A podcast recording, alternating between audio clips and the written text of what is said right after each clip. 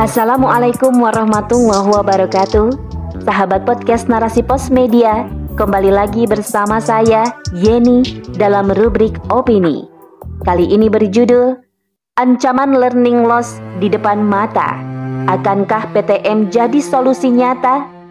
Oleh Renita Badai pandemi COVID-19 yang berkepanjangan telah menambah pelik permasalahan pendidikan Indonesia. Proses belajar yang mengharuskan adanya pembelajaran jarak jauh mengakibatkan dampak mengkhawatirkan bagi anak negeri, pun ancaman learning loss yang terpapang nyata. Akhirnya memaksa pemerintah kembali membuka sekolah walaupun di tengah pandemi masih menghantui.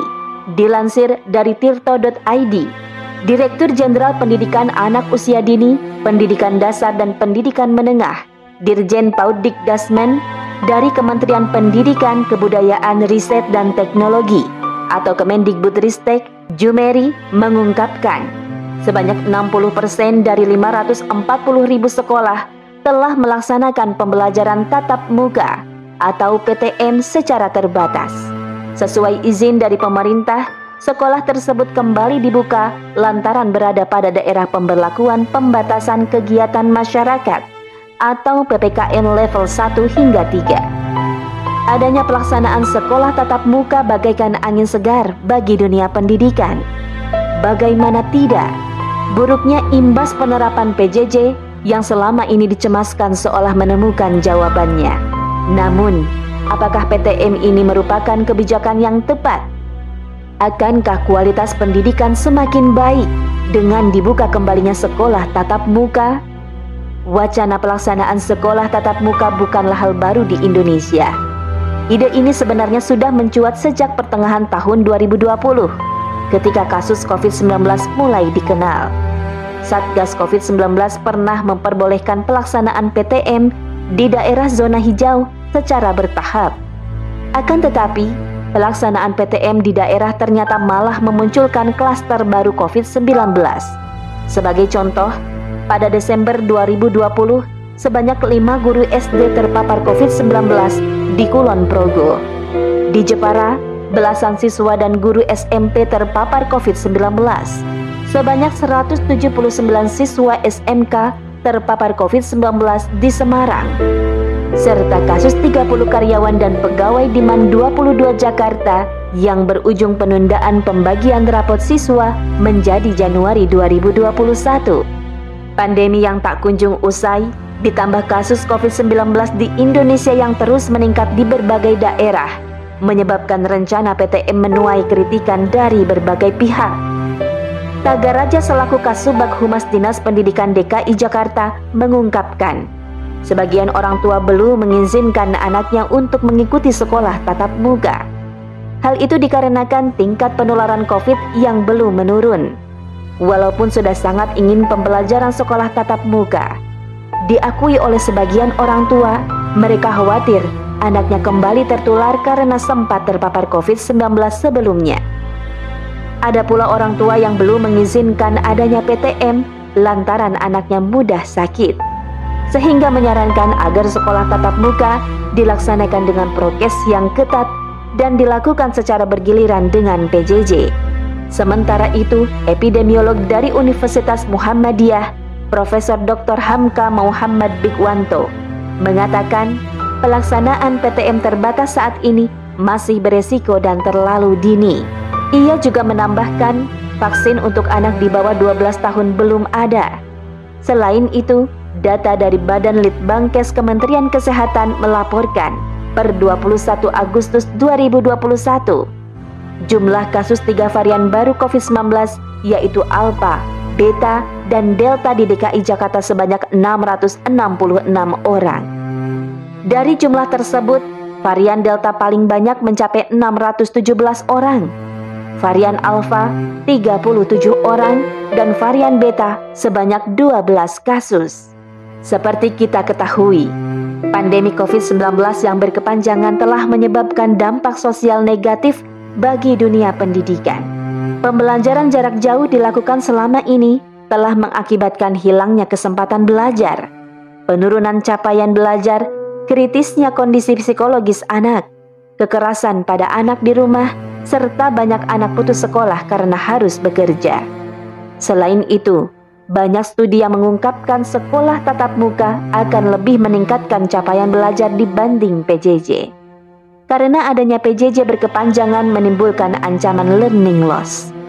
Berbagai problematika yang membuntuti program PJJ akhirnya mendesak pemerintah melaksanakan PTM. Sayangnya, syarat pelaksanaan persiapan sekolah tatap muka tidak dibarengi dengan persiapan infrastruktur sempurna. Seperti kita lihat, pembangunan infrastruktur yang jor-joran hari ini hanya diperuntukkan bagi para investor, bukan untuk rakyat. Buktinya, anggaran untuk sektor pendidikan begitu jomplang nilainya dibanding anggaran infrastruktur megah untuk investasi kaum serakah adalah hal yang wajar ketika orang tua masih was-was melepas anaknya kembali ke sekolah. Sebab pada faktanya, kebijakan pemerintah sering kali hanya jadi ajang uji coba dan tanpa persiapan matang. Akhirnya, banyak orang tua menyaksikan jaminan keselamatan anaknya ketika harus mengikuti PTM. Selain itu, ketika pemerintah mengizinkan PTM dengan syarat vaksinasi 70%, apakah itu bisa menjamin perlindungan semua unsur sekolah dari penyebaran virus? Seharusnya PTM dilaksanakan ketika pandemi sudah melandai dengan dibarengi langkah-langkah yang efektif dan tidak gegabah. Jangan sampai pembukaan PTM tanpa adanya persiapan yang matang justru kembali menimbulkan adanya klaster baru seperti yang terjadi sebelumnya. Jika pemerintah berdalih adanya PTM ini dilakukan karena buruknya dampak PJJ, bukankah seharusnya yang dibenahi adalah masalah PJJ dengan memastikan PJJ berjalan baik tanpa adanya dampak negatif yang mengkhawatirkan? Bukan malah menggelar PTM sebagai ajang uji coba kebijakan Ketika pemerintah tetap ngotot memberlakukan PTM tanpa perbaikan PJJ, justru menegaskan pemerintah tak bisa memenuhi pelayanan pendidikan di masa pandemi.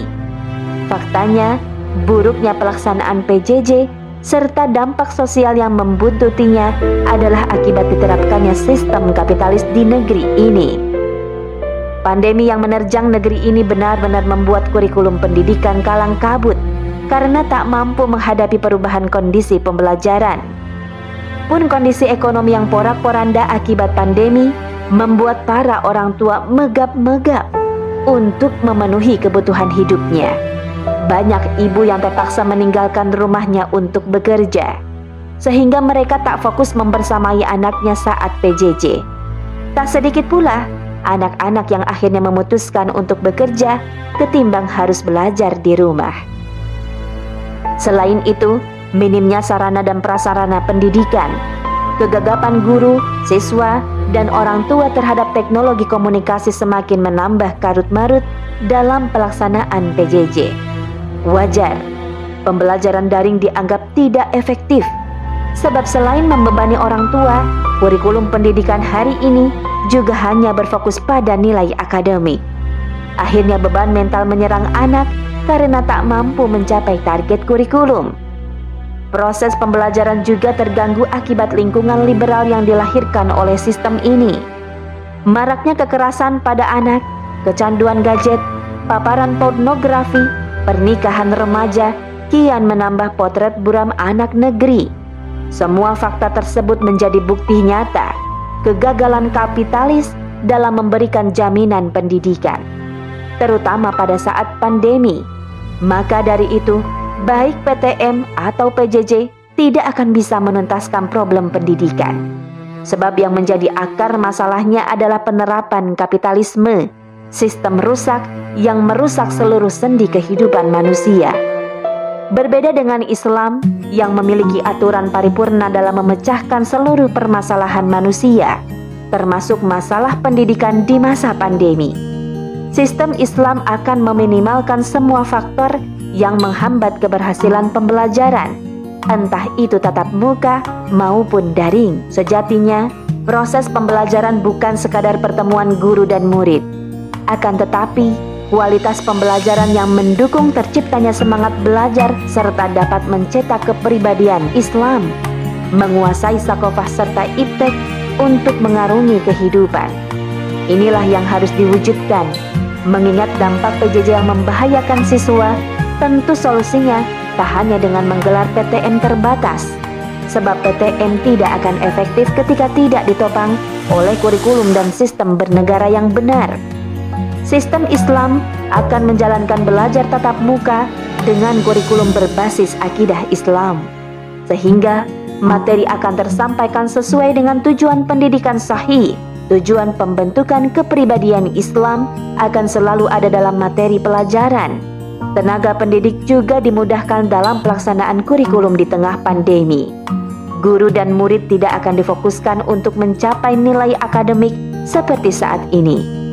Baik daring ataupun tatap muka, pelaksanaan kurikulum akan dilakukan dengan berbagai metode belajar. Sistem Islam juga akan membentengi lingkungan sosial, keluarga, dan masyarakat demi terciptanya keberhasilan pendidikan di tengah pandemi.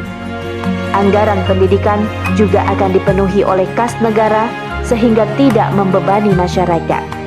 Karena pada prinsipnya, pendidikan dalam Islam merupakan kebutuhan pokok rakyat yang wajib disediakan oleh negara. Inilah sistem sohi yang tak akan membebani rakyat dalam mendapatkan hak pendidikan, mempersiapkan generasi unggulan, serta menjamin keselamatan rakyat. Maka, untuk mengubah kondisi pendidikan, tak bisa berharap hanya pada pelaksanaan PTM, kualitas pendidikan akan semakin baik jika negara ini menerapkan aturan Islam secara kafah. Hanya sistem Islam yang akan bersungguh-sungguh merealisasikan kebutuhan pendidikan masyarakat, sehingga tidak akan terjadi learning loss walaupun di masa pandemi. Wallahu a'lam bisawab.